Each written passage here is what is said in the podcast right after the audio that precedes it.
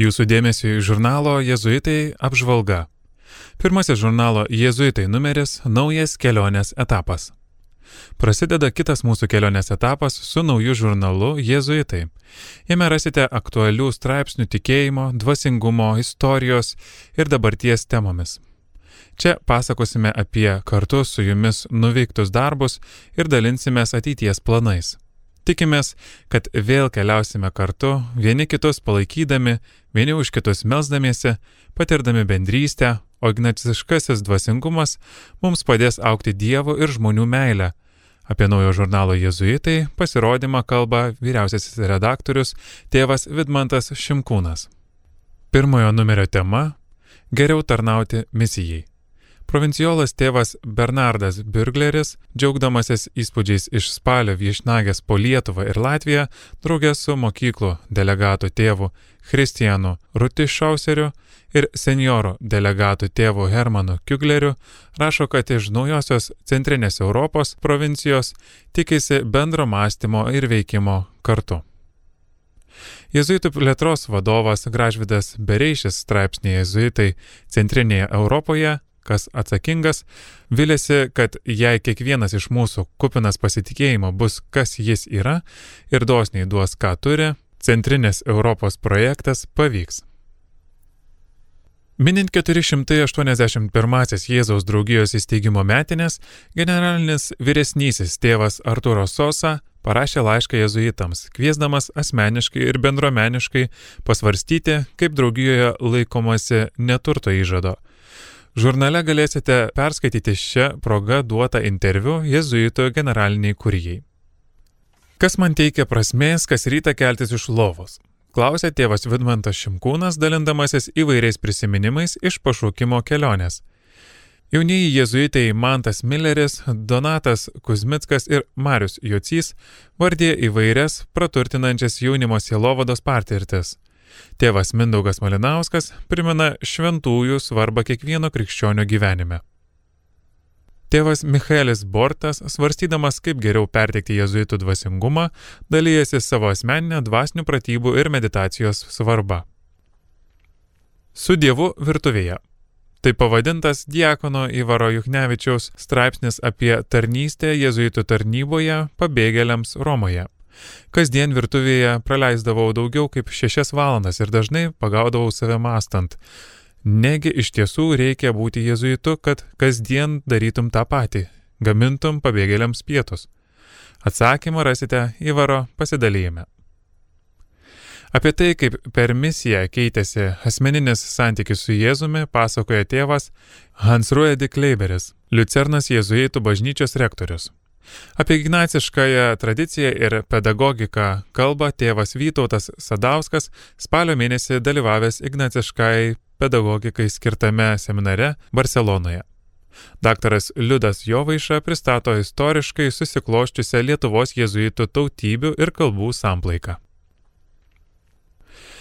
Pavasarį susikūrus Centrinės Europos jėzuitų provincijai atsinaujino ir žurnalas.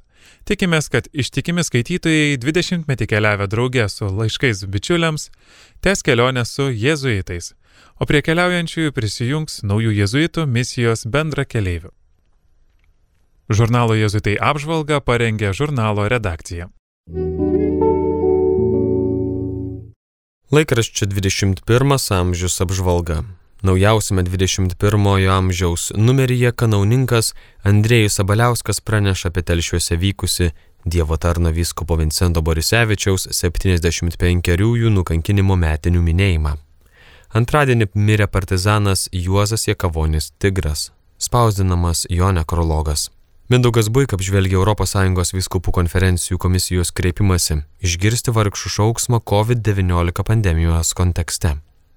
Kiekviename 21-ojo amžiaus laikraščio numeryje ateinančio sekmadienio Evangeliją apžvelgiantis kunigas Vitenis Vaškelis prieš pirmąjį Advento sekmadienį rašo, jog ruošimasis kalėdoms prasideda ne nuo ateinančiojo į žemę atpirkti žmonijos apmąstymo, bet nuo svarbesnio dalyko - tinkamo pasirengimo jį sutikti laikų pabaigoje. 21 amžiuje yra kelios žinios iš parapijų Šlavantuose minint bažnyčios šimto metų jubiliejų Vilkaviškio vyskupas Rimantas Norvila pašventino Šventojo Luko skulptūrą. Kurtuvenuose net keturioms parapijietėms klebonas kunigas Marius Diglys įteikė popiežiaus pranciškaus apaštalinius palaiminimus. Vilniaus švenčiausiosios trejybės bažnyčioje, kur vyksta rytų apėgos, ne tik lankėsi svečias iš Ukrainos vyskupas Stepanas Susas, bet ir apaštalinis nuncijus Baltijos šalims arkivyskupas Antunas Petras Raičius, bei Vilniaus arkivyskupas metropolitas Gintaras Grušas. O štai Šiauliuose švenčiausiosios mergelės Marijos nekaltojo prasidėjimo bažnyčioje vyko Dievo tarno Mečislovo Jurevičiaus beatifikacijos atidarimo posėdis. Tribunolo nariai davė priesaikas, paskui Šiaulių vyskupas Eugenijus Bartulis su grupe kunigų aukoja šventasias mišes. Mečislovas Jurevičius tai krikščionis pasaulietis, šeimos tėvas, sovietinių lagerių politinis kalinys, doros, žmogiškumo, tvirtumo pavyzdys kitiems. Jis mylėjo Dievą ir žmonės, Per Dievą jam nebuvo baisus nei kalėjimas, nei persikiojimai, nei tremtis. Kai buvo teisiamas antrą kartą, jis dėkojo teisėjams, kad teisiamas ir galės liudyti meilę tikėjimui. Man nesumažinkite bausmės, aš noriu kentėti už Lietuvą, už jos žmonės, už jaunimą, kad jie pažintų Dievą, kad jie pamiltų tikėjimą, kad jie gyventų dorą, kilnų ir blaivų gyvenimą. Taip sakė Mečislavas Jurevičius. Tai ypatingas liudijimas, kuris labai svarbus mūsų dienų pasauliui. Bažnyčios klebonas kunigas Saulis Paliūnas jį pažinojo nuo 12 metų. Laikraščio priedė jaunimui žvilgsnė apžvelgiamas palaimintosios Sandros sabatinį gyvenimas. Jai te buvo 23 metai, kai mirė po patirtos autoavarijos. Italijos Rimini viskupijoje buvo didelė šventė, kai šių laikų jauna mergina savo gyvenimo liudijusi tikėjimą paskelbta palaimintąją. Kitame laikraščio priede 21-ojo amžiaus horizontai straipsnyje Bažnyčios rūpinasi išeiviais Mindaugas Buik apžvelgia popiežiaus pranciškaus mintis susitikime su Europoje gyvenančių italų migrantų atstovais. Italai į užsienį išvyksta ne dėl persekiojimų ar karų, bet dažniausiai dėl panašių priežasčių kaip ir lietuviai - daugiau užsidirbti. Naujausios statistikos duomenimis 60 milijonų gyventojų turinčioje Italijoje skurdo rizikos lygis yra vienas didžiausių vakarų Europos mastu ir vargo kančios paplitimu ją lenkia tik Graikija. Todėl daugiau kaip trečdalis italų, 37 procentai, yra pasirengę emigruoti dėl geriau apmokamo darbo. 2020 m. duomenimis svetur gyveno daugiau kaip 5 milijonai iš Italijos kilusių žmonių ir net 32,5 procento universiteto absolventų ryžosi išvykti į užsienį, kad galėtų geriau realizuoti savo gebėjimus bei žinias, gaudami tinkamą atlyginimą. Didelė dalis italų migrantų įsikūrė ES šalyse, nors gausiausia jų bendruomenė, daugiau kaip milijonas išeivių įsikūrė Šventojo tėvo gimtinėje Argentinoje. Italai į šią Latino Amerikos šalį gausiai pradėjo vykti gyventi dar 20-ojo amžiaus pradžioje ir tarp jų buvo popiežiaus pranciškaus seneliai.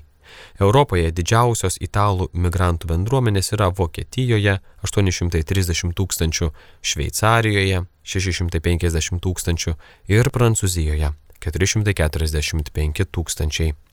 Rūpindamasi šių išeivių selovada bei socialinė padėtimi, Italijos viskupų konferencijos vadovybė jos struktūroms priklausanti emigrantų pastoracijos tarnyba bei paramos migrantams fondas lapkričio 9-12 dienomis Romoje buvo surengę konferenciją Italai Europoje ir krikščioniška misija.